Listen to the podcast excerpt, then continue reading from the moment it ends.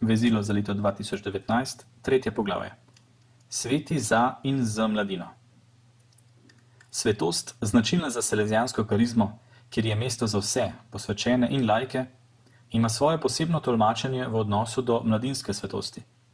Moj predhodnik Pascual Čavez je v začetku svoje službe vrhovnega predstojnika zapisal v pismu: Dragi selezijanci, bodite sveti. Mladi sami so Don Bosku pomagali, da jih je vpletel v dogajanje in jih usposobil za prve sprejemnike in sodelavce. Pomagali so mu začeti sredi vsakdanjega življenja slog nove svetosti, po meri stopne razvoja določenega fanta. Na neki način so bili hkrati učenci in učitelji. Naša svetost je svetost za mlade in za mladimi, kajti tudi pri iskanju svetosti stopajo skupaj mladi in selezijanci. Ali bomo postali sveti, tako da stopamo in se učimo skupaj z njimi, ali pa sploh ne bomo sveti. Pristno selezijansko srce naše selezijanske družine mora biti sveto, če ne doseže mlade. Še bolj dosledno skrbi, da ne pušča v nemar dožnosti, da se posvečuje sredi mladine in skupaj z njo. Ta želja se lahko nanaša na vsako od 31 vej, ki tvorijo selezijansko družino. Z zanimanjem sem poiskal sklicevanje na svetost v konstitucijah in pravilnikih v različnih kongregacijah naše družine v načrtu apostolskega življenja selezijancev sotrudnikov, v idearijih, statutih in pravilnikih, po njim lastnih imenih, vseh vej, ki rastejo na drevesu naše karizme. Zagotavljam, da vsi na en ali drug način zremo na svetost kot na cilj in namen, zaradi katerega smo porojeni kot ustanova, kot cilj, ki naj ga dosežemo s svojim življenjem. Svetost je torej predložena vsakemu članu in je predložena kot cilj v apostolatu za druge. Mladost, čas za svetost.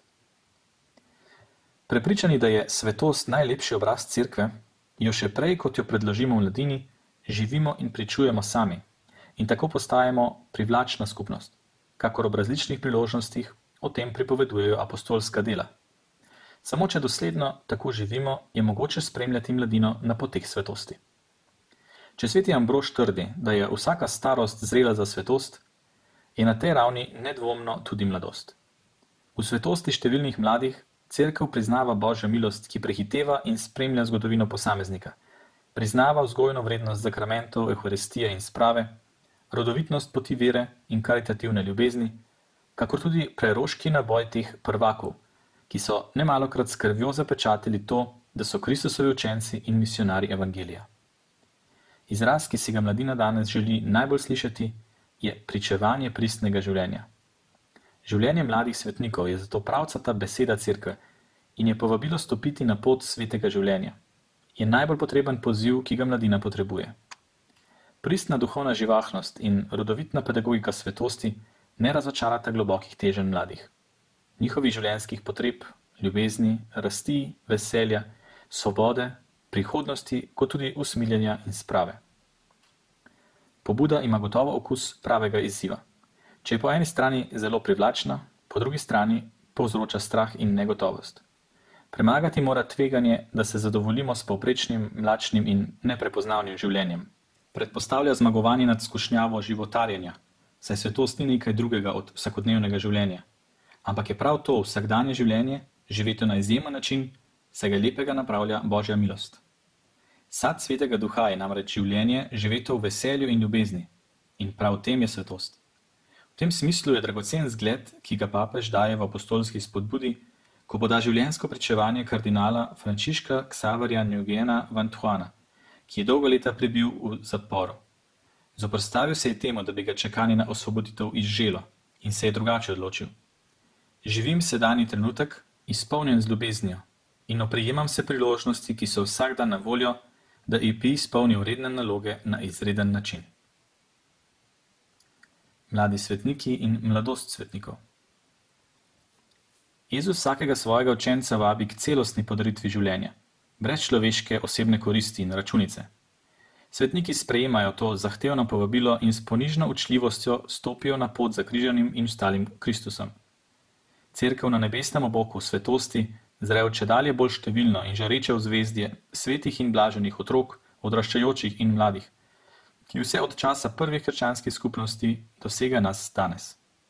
Sklicujoč se na nje kot na zaščitnike, jih kaže mladim kot oporne točke za njihovo življenje. Po raznih raziskavah, tudi pripravljalnih na škofovsko sinodo o mladih, mladi sami priznavajo, da so bolj dovzetni za govorico življenja, kot pa za abstraktno teološko govorjenje in imajo življenje svetnikov za zelo pomembno.